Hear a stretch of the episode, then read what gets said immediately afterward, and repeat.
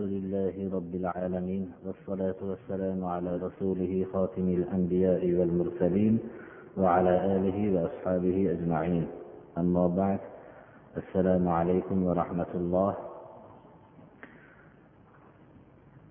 qur'oni karimdan darsimizni davom ettiramiz. أستعيذ بالله وأتموا الحج والعمرة لله فإن أحصرتم فما استيسر من الهدي.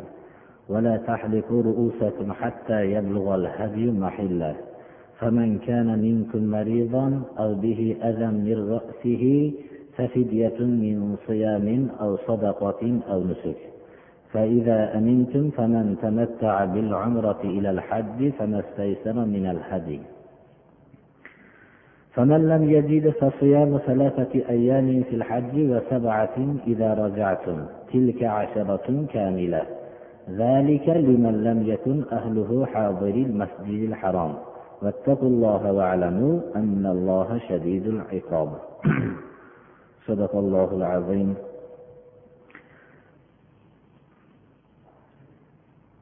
quyidagi oyatda haj umra haqida bo'lgan xabar bizlarga alloh subhanahu va taolo tarafidan bayon qilinadi hajning qachon farz qilinganligi va qaysi oyat bilan farz qilinganligi haqida ulamolar o'rtasida ba'zi ixtiloflar bor ba'zi olimlarning fikrida hajning farz qilinishligi billah ولله على الناس حج البيت من استطاع إليه سبيلا oyati bilan farz qilingan bo'lsa ba'zi ulamolarning fikrida hozirgi tilovat qilingan oyat va atimul hajja val umrata lillah oyati bilan farz qilingan ولله على الناس حج البيت من استطاع إليه سبيلا oyati bilan farz qilingan deb aytgan ulamolar bu oyat hozirgi tilovat qilingan oyatda haj bilan umrani farz qilinishligi bu oyat bilan emas Bu oyatda haj bilan umrani tamom ya'ni komil qilinishlikka buyurilyapti. Buyurilishlik farz bo'lgan buyruq surai oli imrondagi oyat bilan sobit deyishgan ekanlar. Va shu bilan birga farz qilingan yilni hijratning to'qqizinchi yo o'ninchi yilida farz qilingan. Ya'ni rasululloh sollallohu alayhi vasallamning vafotlaridan sal ilgari.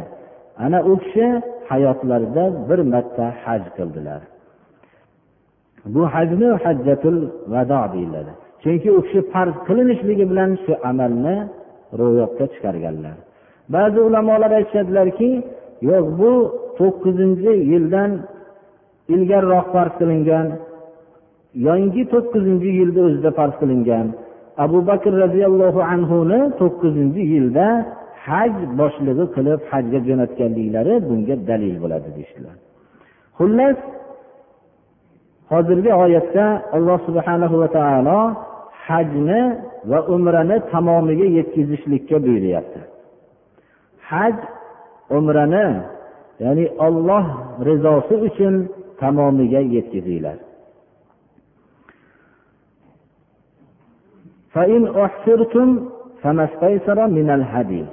Agar qamal qilingan bo'lsanglar qamal qilinishlik dushman tarafidan bo'lsin. Yoyinki bir kasallik sababi dushman tarafidan umradan qamal qilingan bo'lishligi mumkin mana. Yo biror bir kasallik yetib haj bilan umrani niyat qilgan kishi komil qilishlikdan o'rtada kasallik u kishini to'sib qo'ygan bo'lishligi mumkin. Qamal qilinishlik qaysi suratda bo'lsa ham qamal qilingan kishi o'ziga muyassar bo'lgan qurbonlikni so'yib qaytaveradi. Muyassar bo'lgan qurbonlik tuya bo'lishligi mumkin yoyinki sigir bu yetti kishiga kifoya qiladi yo qo'y yo echki bo'lishligi mumkin chunki sulhi hudaybiyada hudaybiya umrasini payg'ambarimiz sollallohu alayhi vasallam ashoblar bilan kelishganlarida ularni makkadagi mushriklar haj amalidan to'sishdi to'sishganlarida rasululloh sollallohu alayhi vasallam hudaybiyadan qaytdilar shu yerda qurbonlikni qilib qaytishdilar shu yerda shunda bir necha kishilar sharik bo'lishganliklari bizga rivoyat qilingan ولا تحلقوا رؤوسكم حتى يبلغ الهدي محله sochinglarni olmanglar hatto qurbonlik qilinmoqchi bo'lgan hayvon qurbonlik manziliga yetib qurbonlik qilinguncha. Qurbonlik qilinadigan kun zulhijja oyining o'ninchi kuni mino shahrida bo'ladi. Bir kishi qurbonlik qilmoqchi bo'lgan kishi sochini olishlikdan man qilingan to qurbonlikni mino kunida so'yilgandan keyin ehromdan keyin chiqadi ungacha alloh subhanahu va taolo soch olishlikni bu yerda man qilyapti فمن كان منكم مريضا أو به أذى من رأسه ففدية من صيام أو صدقة أو نسك mabodo kasal bo'lgan bo'lsa ya'ni bu kasallik sochni olishlikga talab qiladigan bir kasallik tushgan bo'lsa. Boshida shunday og'riq yoyinki bir kasallik paydo bo'ldiki sochni olishlikka majbur bo'lib qolsa yoyinki boshida biror bir hasharotlar paydo bo'lsaki odatda boshga tushadigan hasharotlardan. Unda ehromda turgan kishiga alloh subhanahu va taolo sochini olishlikka ruxsat berdi. Buning kaforatiga uch kun ro'za tutadi. Yoyinki oltita miskinni yedirishlik bilan sadaqa qiladi yo bir qo'yni so'yadi. Fidyada oyat kalimada fidya ro'zadan bo'lsin ho sadaqotdan bo'lsin xoh so'yiladigan hayvon mujmal keltirilyapti. Imom buxoriy kabib ujaradan rivoyat qilib shu san'atlarni shuga yetkazib rasululloh sollallohu alayhi vasallamdan kabib ujara rivoyat qiladilarki فمنت إلى النبي صلى الله عليه وسلم والقمل يتناثر على وجهي فقال ما كنت أرى أن الجهد بلغ بك هذا أما تجد شاة قلت لا قال صم ثلاثة أيام أو أطعم ستة مساكين لكل مسكين نصف صاع من طعام واحلق رأسك dedilar kabi o'zlari aytadilarki rasululloh sollallohu alayhi vasallamni oldiga meni olib borishdilar boshimga tushgan odatda boshga tushadigan hasharot boshimdan yuzimga shunday tushib turgan edi hajda ozor berishlik mumkin emas shuning uchun tegmasdan qo'yib qo'ygan edilar aytdilarki payg'ambarimiz sollallohu alayhi vasallam mashaqqat sizni bu darajaga yetkazganligini men gumon qilmagan edim. Qo'y biror so'yiladigan qo'y yo'qmi dedilar. U kishi aytdilarki yo'q dedilar. Bo'lmasam uch kun ro'za tuting yo oltita miskinga har bir miskinga yarim so miqdorida ovqat bilan ularni yediring dedilar va sofingizni oldirib yuboring dedilar. Mana bu bizga hozirgi oyat kalimada aytilingan mujmalni bayon qilib beradi bu hadis sharif.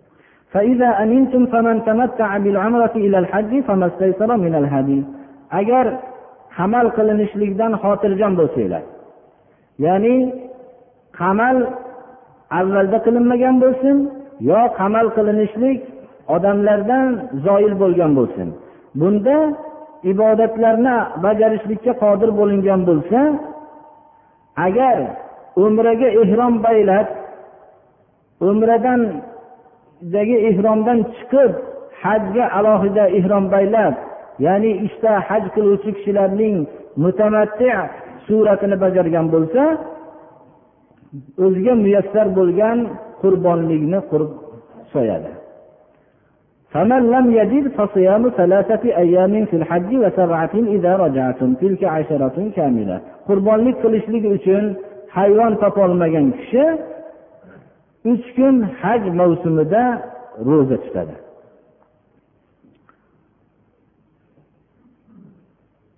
Uch kun ro'za tutishligi arafotdagi vukufdan ilgari bo'lishligi shart vuqufi arafa to'qqizinchi kunda bo'ladi. Shu kungacha uch kun ro'za tutadi va qolgan yetti kunini uyga qaytib kelgandan keyin tutadi. Shu bilan to'la o'n kun bo'ladi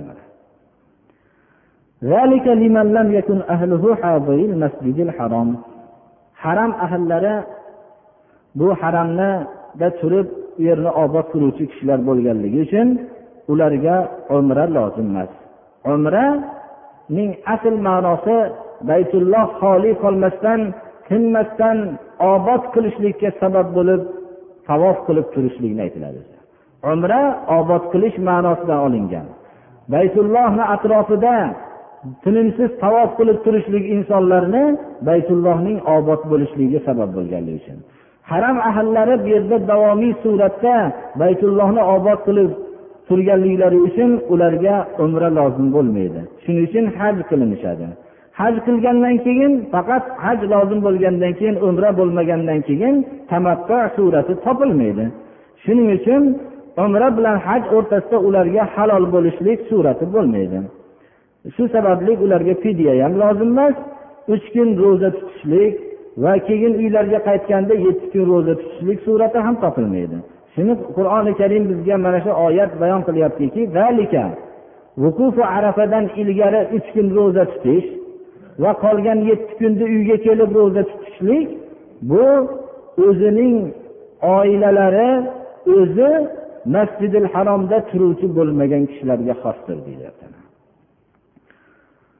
haj umra amallarini hukmlarini bayon qilgandan keyin alloh subhanahu va taolo bu amallarni komil suratda bajarishlikka sabab bo'ladigan amalga yo'llayaptiki bu amallarni hammasini bajarishlikda ollohdan qo'rqinglar taqvo sifatiga ega bo'linglar.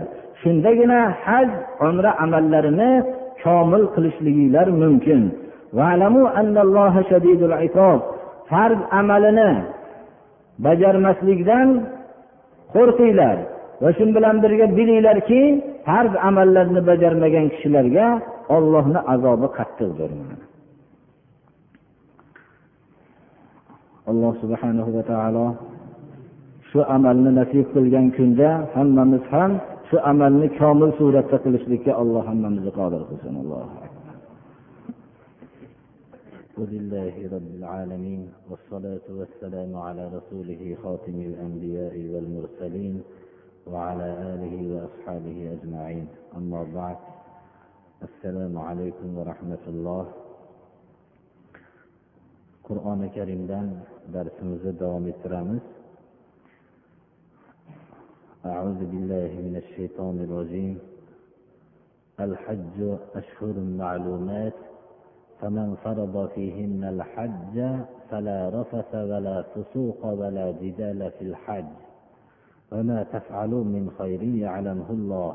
وتزودوا فإن خير الزاد التقوى. واتقوني يا أولي الألباب. qur'oni karimning quyidagi oyatlari haj hukmlarini bayon qilishlikda davom etadi. Haj hukmlaridan haj vaqtlarini tayin qiladi va hajdagi odoblarni bayon qiladi va haj amallarini odoblarini vaqtlarini bayon qilishlikni taqvoga buyurishlik bilan tamom qiladi. Oyat kalimaning zohiridan shu narsa ma'lum bo'lyaptiki al hajju ashhurun ma'lumat. Bu hajning ma'lum bir vaqtlari bor. Haj amali ma'lum bir oylarda o'taladigan amal.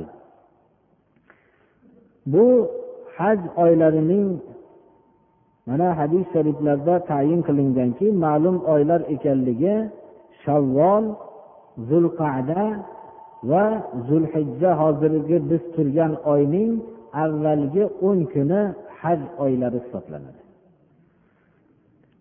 Shu vaqtdagina hajga ehrom baylashlik durust bo'ladi.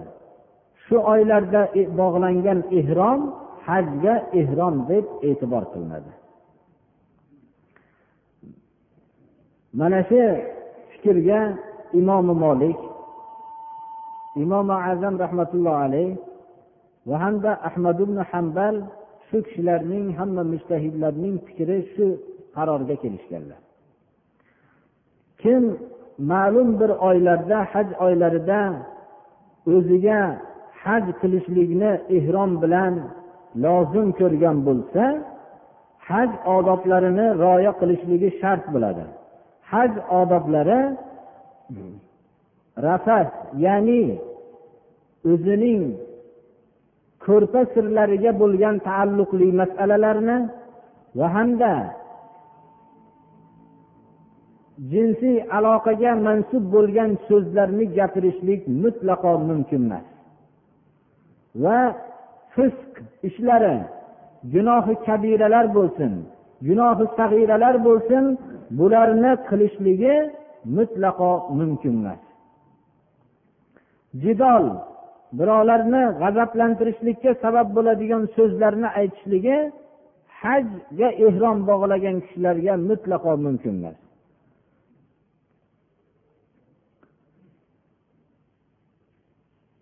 O'zi butun hamma hayotdagi bog'lanishlardan o'zini jido qilib alloh subhanahu va taoloning hukmiga bog'laydi.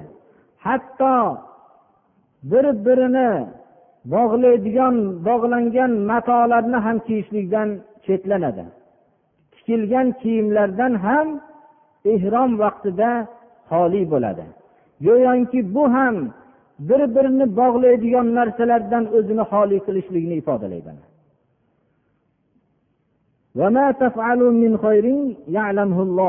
qaysi bir yaxshilikni qilsanglar alloh subhanahu va taolo bilib turadi.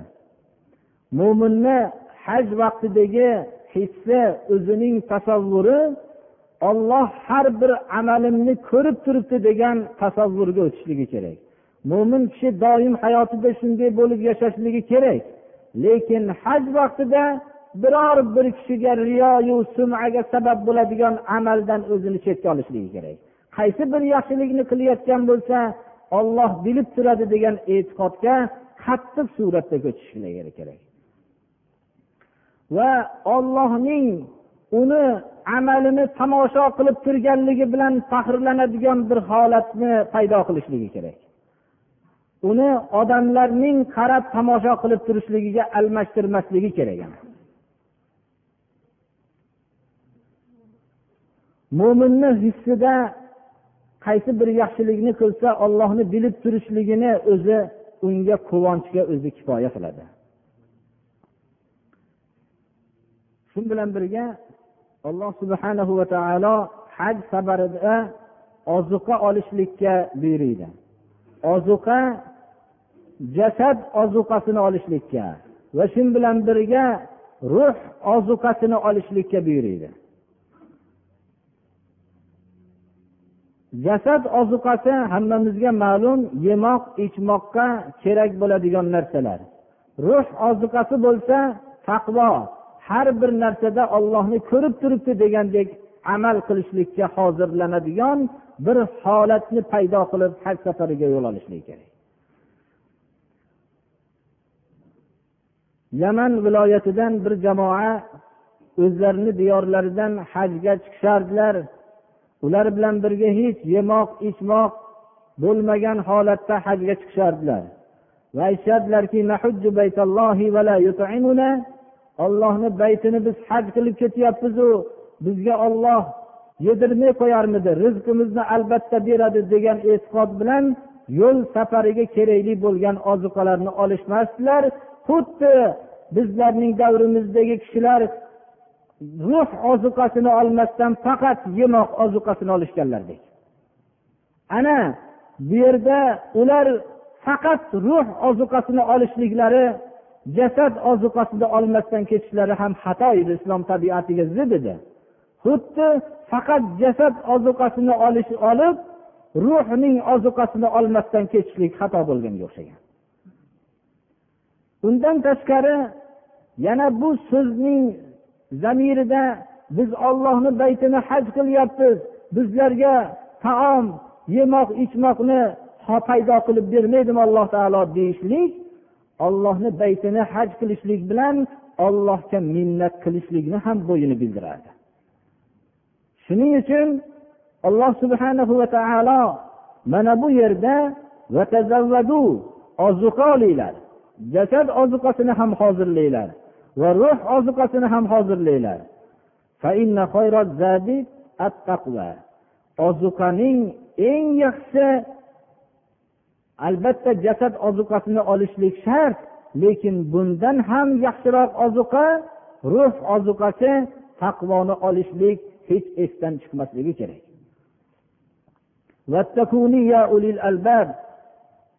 Shu taqvo ozuqasida qo'rquv faqat mendan qo'rqinglar deyapti alloh taolo. Va shu bilan aqlli kishilarga nido qilyaptiki mendangina qo'rqinglar ey aqlli kishilar deyapti. demak bu bilan shuniga ishora bo'lyaptiki alloh subhanahu va taoloning o'zidan taqvo qiladigan kishilar taqvoga ma'mur bo'lgan odamlar faqat aqlli kishilargina ekanligi bilinyapti ليس عليكم جناح أن تبتغوا فضلا من ربكم فإذا أفضتم من عرفات فاذكروا الله عند المشعر الحرام واذكروه كما هداكم وإن كنتم من قبله لمن الضالين haj hukmlarini bayon qilishlik keyingi oyatlarda ham davom etadi. Haj an'analarini bayon qilishlik va inson tabiatida qisman haj vaqtida faqat o'zini ollohga bog'layotgan soatda tijorat qilishlik ham bilan shug'ullanishlik ham mumkinmikin degan xayol kelishligini alloh subhanahu va taolo o'zining ilmi azaliysi bilan bilib haj vaqtida tijoratga ruxsat beryapti imom buxoriy abdulloh ibn abbosga sanadini hadislarining sanadini yetkazib payg'ambarimiz sollallohu alayhi vasallamdan rivoyat qiladilarki كانت عكاظ ومجنة وذو المجاز أسواقا في الجاهلية فتأثموا أن يتجروا في الموسم فنزلت استعيذ بالله ليس عليكم جناح أن تبتغوا فضلا من ربكم ukoba mijanna zulmajoz ismli uchta haj mavsumida johiliyat davrida katta bozorlar bor edi. Bu bozorlar jahon bozori bo'lardi. Mana shu bozorlarda islomni qabul qilishganlaridan keyin ashobi ikromlar endi biz bu mavsumda haj mavsumida savdo qilishligimiz mumkin bo'lmasa kerak degan gumonga kelishdilar.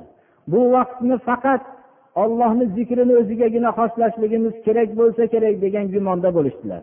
Shunda shu oyat nozil bo'ldiki sizlarga gunoh yo'q rabbiylar tarafidan bo'lgan fazl tijoratni talab qilishliginglar bilan degan oyat nozil bo'ldi.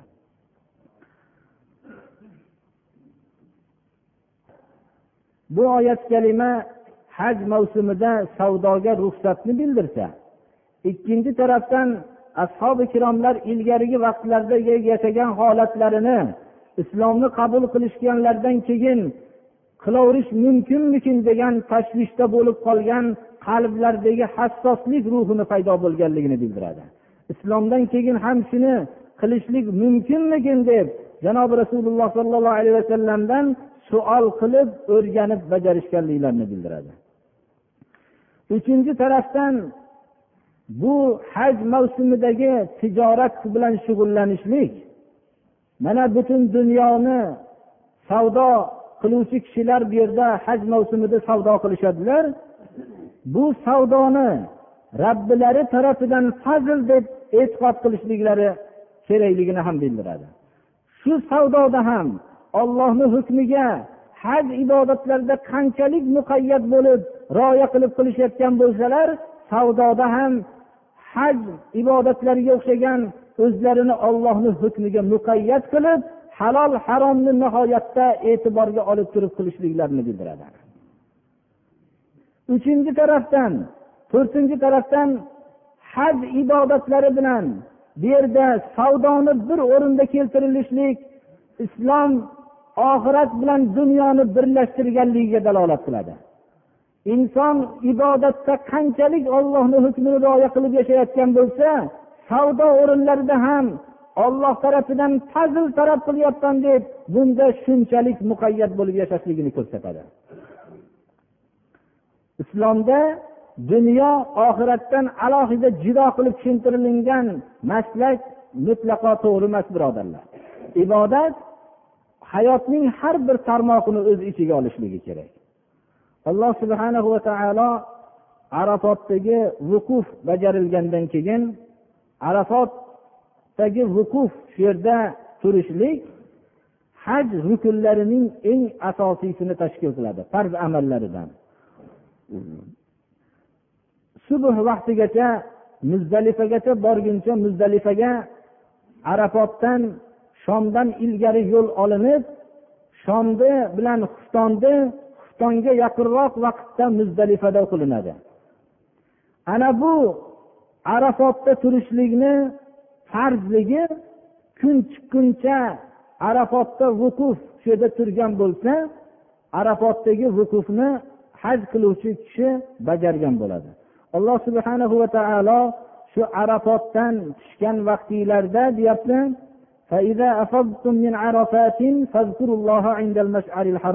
arafotdan tushgan vaqtinglarda ollohni masharil haromda ya'ni muzdalifada yod qilinglar.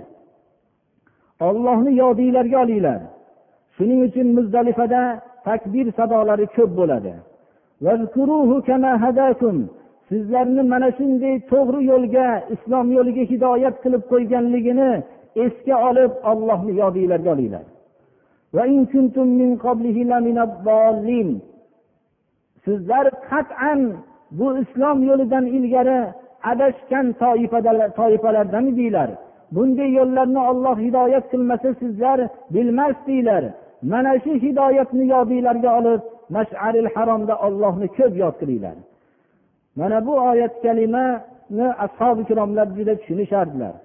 Johiliyat davridan islomga o'tganliklarini go'yoki butun boshqa bir inson bo'lib tug'ilgan deb his qilishardilar. Shuning uchun ollohni yodga olishdilar ollohni esga olishdilar. Olloh ham ularni esga olib tamomiy qiyomatgacha bo'lgan bashariyat tarixida tarix sahifasida bular oltin harflar bilan yozilib qolishdilar mana. Meni esga olinglar deyapti alloh taolo. Men ham sizlarni esga olaman deyapti arafotdagi vukuf haqida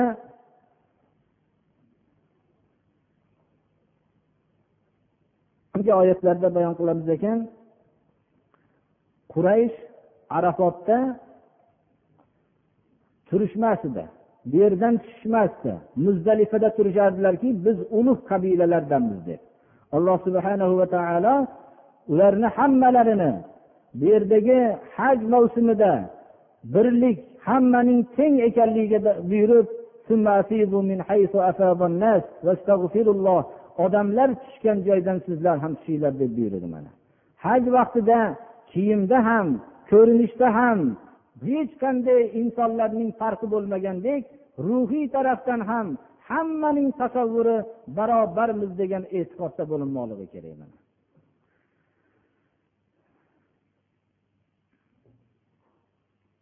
alloh subhanahu va taolo bizlarni ham shu farz amaliga hammalarimizni butun jahondagi mustazafillar qatorida nasibalarimizni qo'shgan bo'lsin va shu bilan birga qur'oni karimda bayon qilingan haj amallarini odoblarini hammasini rioya qilishlikka alloh qodir qilsin alloh والصلاة والسلام على رسوله خاتم الأنبياء والمرسلين وعلى آله وأصحابه أجمعين أما بعد السلام عليكم ورحمة الله. أستعيذ بالله ثم أفيضوا من حيث أفاض الناس واستغفروا الله إن الله غفور رحيم. Bu oyatni tafsirida imom buxoriy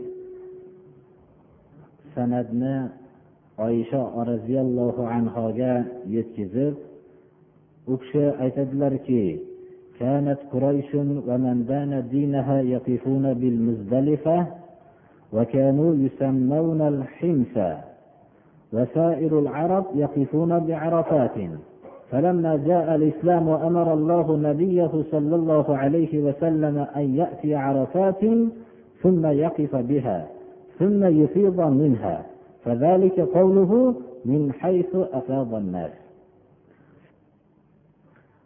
quraysh va qurayshning maslakiga odatiga bo'ysungan toifalar muzdalifada vuquf qilishardilar ya'ni muzdalifada turishardilar arafotda turishmasdilar o'zlarini nasablarini ulug' sanab umumiy odamlar bilan birga arafotda vuquf qilib turishlikdan bosh tortishardi. Hins deb o'zlarini oliy qabila ekanligini nomlab nomlashardi. Islom dini kelgandan keyin alloh subhanahu va taolo payg'ambarimiz sollallohu alayhi vasallamni buyurdi bu kishi qurayshning eng oliy qabilasidan bo'lgan zotni buyurdi arafotga kelib shu yerda turishlikka. Mana bu oyat kalima shu arafotdan odamlar tushgan o'rindan sizlar ham tushinglar degan buyruq bo'ldi. Ya'ni odamlar qayerda turishgan bo'lsalar qayerda jamlanishgan bo'lsalar sizlar ham shu yerda jamlaninglar. Odamlar muzdalifaga arafotdan tushgan bo'lishsalar sizlar ham arafotdan muzdalifaga tushinglar. Islom nasab bilan ulug'lanishlikni tanimaydi. Islom bir tabaqani ikkinchi bir tabaqaga aslini e'tibori bilan afzal deyishlikni tanimaydi. Islom odamlari hammasi bir ummat. Ular bir taroqning tishiga o'xshagan bab barobar. Ularning bittalarini ikkinchilaridan taqvodan va amali solihdan boshqa narsa bilan ortiq bo'lishligi mumkin emas. Islom haj mavsumida xususan tikilgan kiyimlardan ham judo bo'lib ollohni o'ziga xolis amal qilishlikka buyurdi. Bu yerda kiyimlarni ham qo'yib faqat tikilmagan avratni yopadigan maxsus kiyimlar bilan borishlikka kiyimlardan judo bo'lishlikka va shu bilan birga nasablar bilan faxrlanishlikni ham qo'yib ketishlikka buyurgan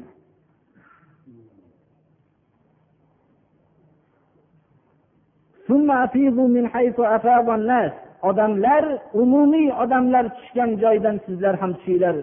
Ey qurayshni ulug' deb o'zlarini sanagan kishilari deb alloh subhanahu va taolo hamma o'rinda ham tenglikni islom barobar deb bilgan xususan hajda yana ham bir tenglikning ramzi bo'ladi birodarlar. Bunday johiliyat davolarini islom kelgandan keyin ham davo qilishlikdan ollohga istig'for aytinglar. Olloh shunchalik islom hukmlarini qilmagan kishilarni haqiqatni tushunishganlaridan keyin qattiq qaytishsalar kechiruvchi ulardan qisos olishlikka qodir bo'lib turib. Shuning uchun haj vaqtida o'rtanglardagi bo'lgan adovat baland pastlik ishlarini hammasini sizlar ham kechiringlarki olloh qisos olishlikka qodir bo'lib turib kechiruvchi va kechiribgina qo'ymasdan o'zi bandalariga islom yo'liga qaytgan kishilarga rahmdil rahmatini jo'natuvchi zotdir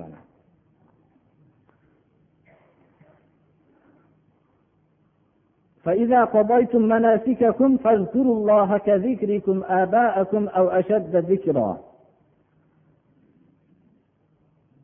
yuqorida aytib o'tdikki johiliyat davrida ukoza mijanna zulmajoz ismli johiliyat davrida katta bozorlar bor edi. Bu bozorlar dunyo bozori bo'lib bu yerda faqat savdo ishlari bilangina shug'ullanish bo'lib qolmasdan balki otalar bilan faxrlanish haj amallarini tugatishganlaridan keyin o'zlarining nasablarini aytib she'rlar gapirishib bir birlaridan oliy ekanligini e'lon qilishardi. Otalarini esga olishib o'zlarini ulug' nasabdor ekanligini bayon qilishardi. Alloh subhanahu va taolo mana bu oyatda xabar beryaptiki haj ibodatlarini amallarini o'taganinglardan keyin sizlar ollohni yodinglarga olinglar. Otalarni bilan faxrlanishlikni emas bu yerda ollohni yodinglarga olinglar otanglarni eslaganga o'xshagan balki undan ko'ra qattiqroq eslanglar bu oyat bir tarafdan johiliyat davridagi voqealarni eslatib otalarni yod qilishlikka o'xshagan ollohni yodinglarga olinglar balki qattiqroq yod qilinglar degan mazmunni bildirsa ikkinchidan ularning bu fe'llarini ayblashlik ham ba'zi vaqtlarda inson o'zini farzandidan xafa bo'lgan bo'lsa meni bir oddiy ko'chadagi insonlar qatorida ko'rgin degan so'zidan maqsad ayblashlik bo'ladi. Shunga o'xshagan ollohni otanglarni yodinglarga olganga o'xshagan yodinglarga olinglar degan kalima ularni bir tandid ayblashlik hamdir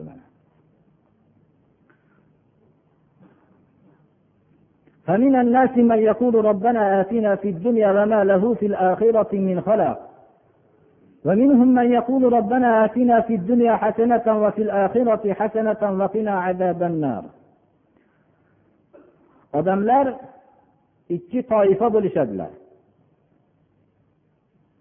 ularning bir toifasini maqsadi faqat dunyo bo'ladi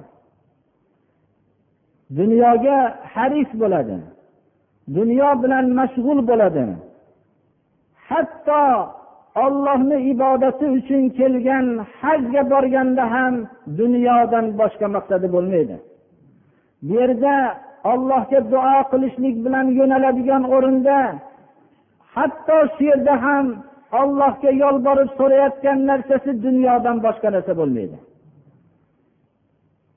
O'zini bu yil mamnunlik yili bo'lsin bu yil serhosil yil bo'lsin bu yil ishlarini yurgan yili bo'lsin degan narsalardan boshqa narsani so'ramaydi. Odamlarning ba'zilari xudoyo ey tarbiyatchinandam deb yolboradi. Siz uning yolborayotganligidan nihoyatda ixlos qilib turasiz lekin uning so'rayotgan narsasi faqat dunyo bo'ladi. Deydi.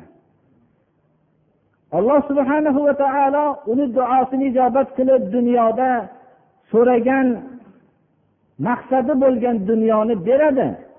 Faqat dunyoni so'ragan bo'lsa ammo oxiratda unga hech qanday ulush bo'lmaydi. Odamlarning ikkinchi toifasi bu toifalardan ko'ra uning fikr maydoni kengroq. U o'zining dunyodagi keraklarini so'rayotgan vaqtda oxiratdagi maqsadini so'rashlik undan esidan chiqmaydi.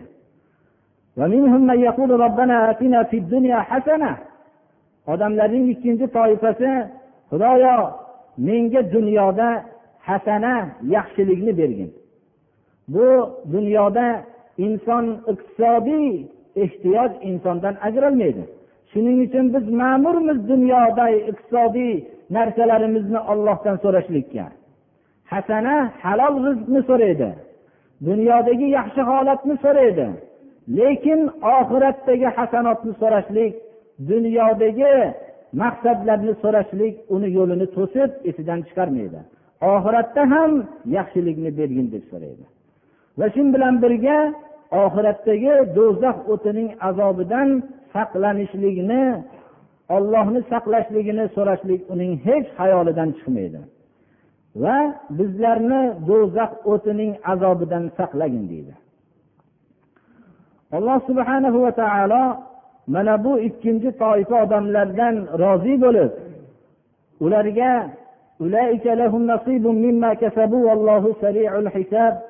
ularga o'zlari kasb qilgan narsalardan ulush albatta ularga bo'ladi. Olloh bularning hisobini tez qiluvchi zotdir mo'min kishi doim o'zining dunyodagi maqsadini so'rayotganda oxiratdagi ollohdan bo'lgan yaxshilikni so'rashlik unutilmasligi kerak uni hayolidan. Va shu bilan birga do'zax o'tining azobidan saqlanishlik buni hayolidan ollohni shu azobidan saqlanishlikni so'rashlik xayolidan ketmasligi kerak.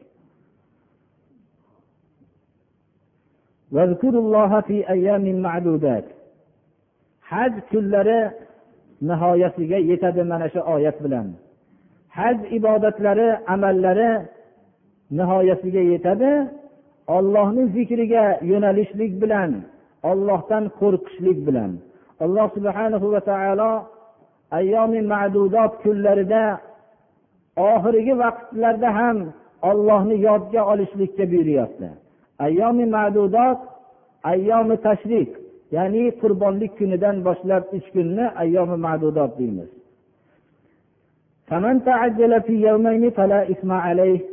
Mino kunida ya'ni qurbonlik kunida shu yerda minoda uch kun turiladi. Mabodo bir kishi avvalgi ikki kunda ollohni yodiga olib ibodatlarini qilib ikki kundan keyin minodan jilgan bo'lsa ham hech qanday unga gunoh yo'q.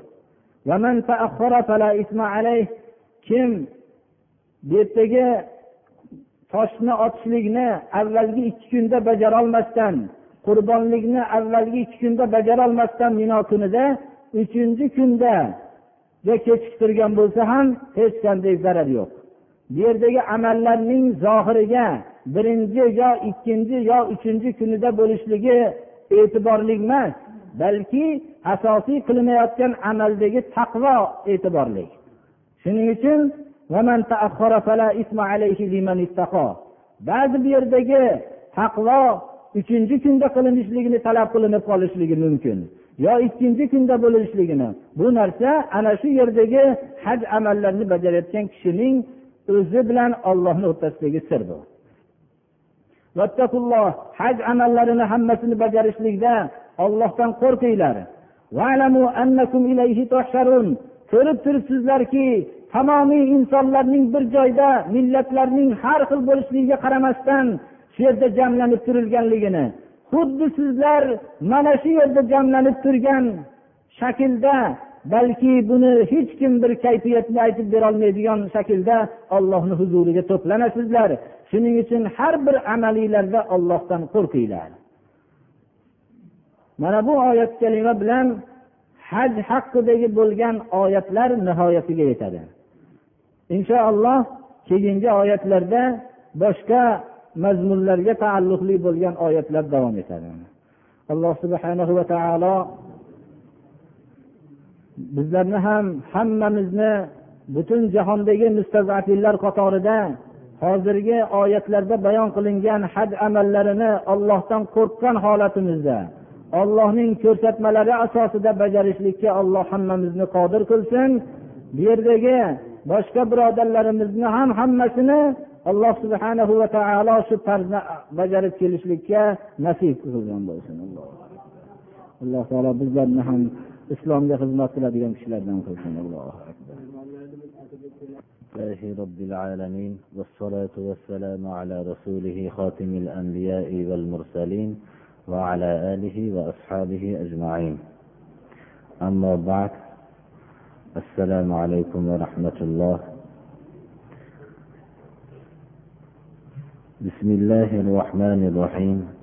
وعن أبي هريرة رضي الله عنه أن رسول الله صلى الله عليه وسلم قال إذا توضأ العبد المسلم أو المؤمن فغسل وجهه خرج من وجهه كل خطيئة نظر إليها بعينيه مع الماء أو مع آخر قطر, قطر الماء.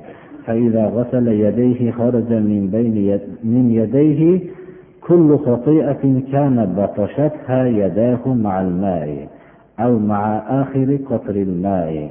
فإذا غسل رجليه خرجت كل خطيئة مشتها رجلاه مع الماء أو مع آخر قطر الماء حتى يخرج نقيا من الذنوب إمام مسلم hadis to'plamlarida olib kelgan ekanlar musulmon banda mo'min banda yoyinki rivoyatda tahorat qilsa va tahorat qilib yuzini yuvsa yuzidan ikki ko'zi bilan qilgan gunohlari shunda bandaningdan zoil bo'lib shu gunohlar chiqib ketadi. Yoyinki oxirgi suvning qatrasi bilan. Agar qo'lini yuvsa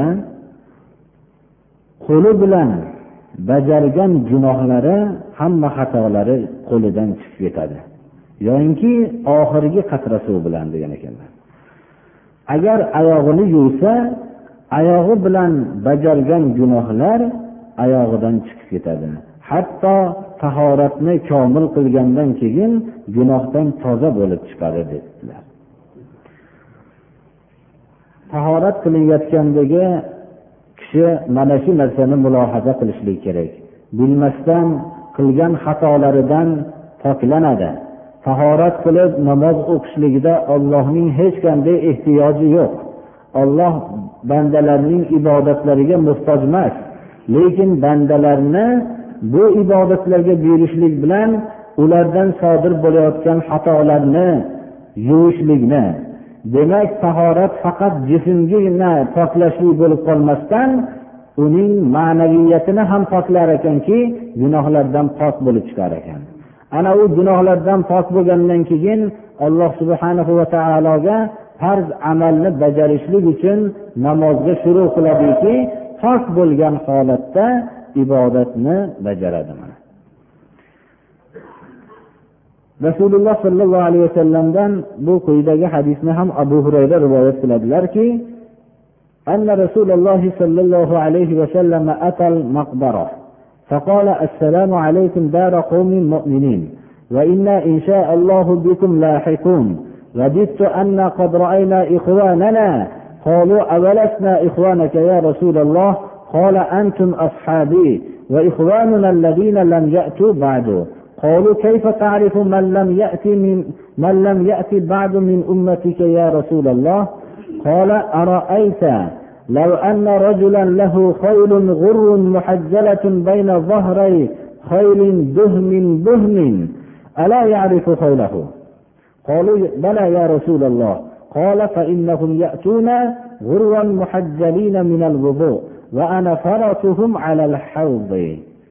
bu hadis ham imomi muslimni hadis to'plamlarida keltirilgan payg'ambarimiz sollallohu alayhi vasallam jannatul baqi qabristonini goho ziyorat qilib turardilar. Qabristonga keldilar. Va aytdilarki ey mo'min jamoalarning uylari sizlarga salom dedilar. Biz ham sizlarga inshaalloh yaqin kelajakda oldinglarga kelamiz dedilar. Do'st tutdimki bir birodarlarimizni ko'rganimiz deydi hozir dedilar. Shunda ashobi ikromlar bu payg'ambarimiz sollallohu alayhi vasallamning so'zlariga quloq solishib turgan kishilar aytishdilarki yo rasululloh biz sizlarni birodaringiz emasmizmi? deyishdilar. Shunda payg'ambarimiz javob berdilarki sizlar mening suhbatdoshimsizlar dedilar.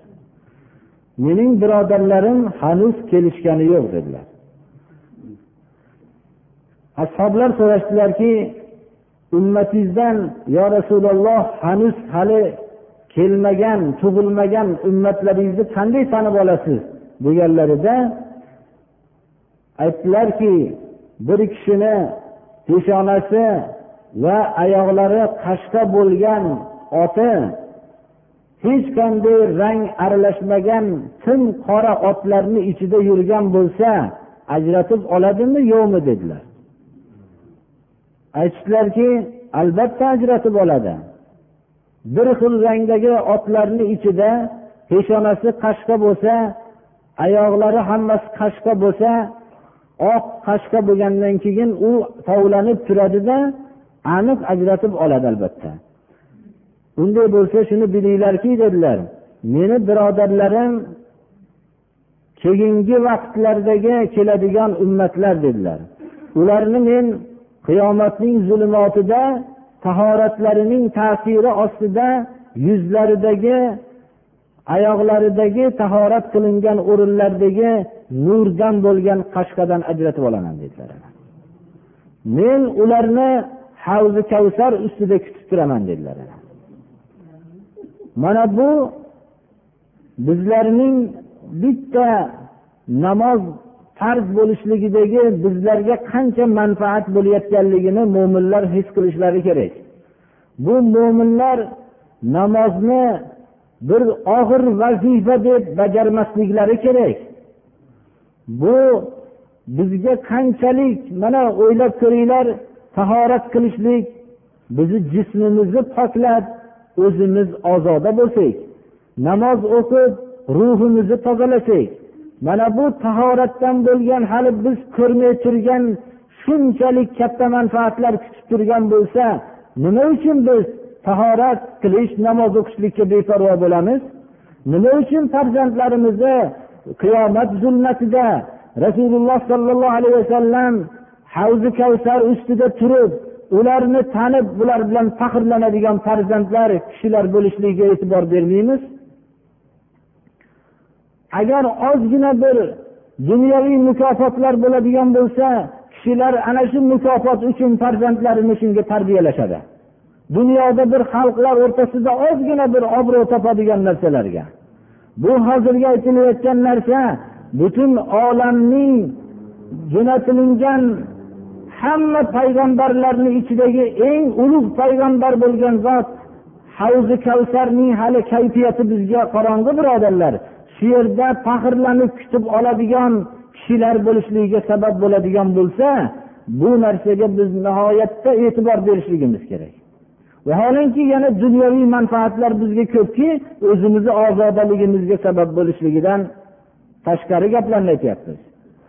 Ana biz bilan tahorat va namozlarda o'zimizni shaxsiyatimizni o'nglashlikda shaytonning qattiq kurashishligini siri ham biz katta mukofot egasi bo'lib ketib qolishligimizdan qo'rqadi shayton ham dinsizlar bizlarni har qancha bu ibodatlarimizda masxara qilishadigan bo'lsa biz xohlagan o'rinda tortinmasdan faxrlanib turib tahorat qilib namoz o'qiy olishligimiz kerak.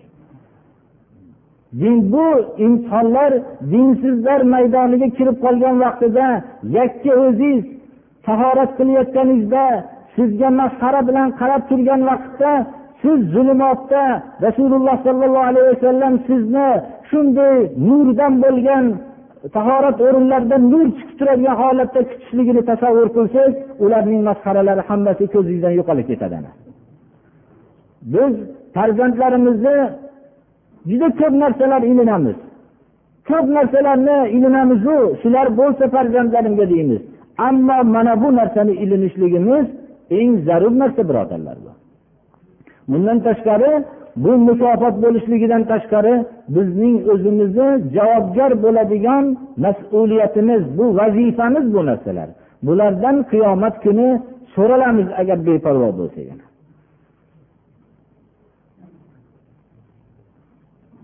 birodarlarimizga ham e'lon qilishimiz kerakki yoshlikda bilganmiz ularga ko'plariga hidoyat nasib bo'lmasdan boshqa ko'chalarda qolishib ketgan.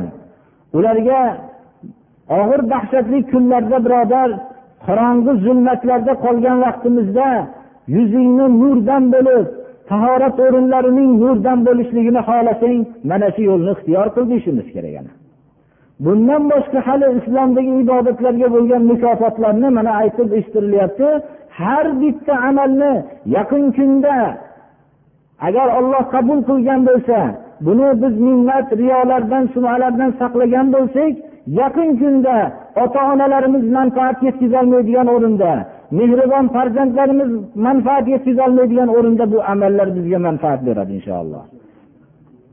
Alloh subhanahu va taolo bilib bilmasdan qilayotgan ibodatlarimizni alloh taolo o'zi qabul qilsin.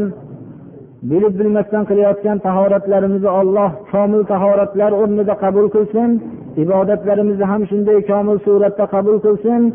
Rasululloh sollallohu alayhi vasallam havzda men kutib turaman debdilar. Ana shunday kutib turgan vaqtlarda bizlarni ham boshqa muttaqiy ummatlari qatorida bizlarni ham o'zimizdagi tahorat ta'sirida ma'lum bo'lib turgan nurlar bilan bizlarni ham kutib olishligini alloh nasib qilsin hammamizga. Alloh subhanahu va taolo bizlarni ham hozirgi sifatdan mahrum qilib qo'ymasin shu sifatga bizlarni ham ega qilsin. Alloh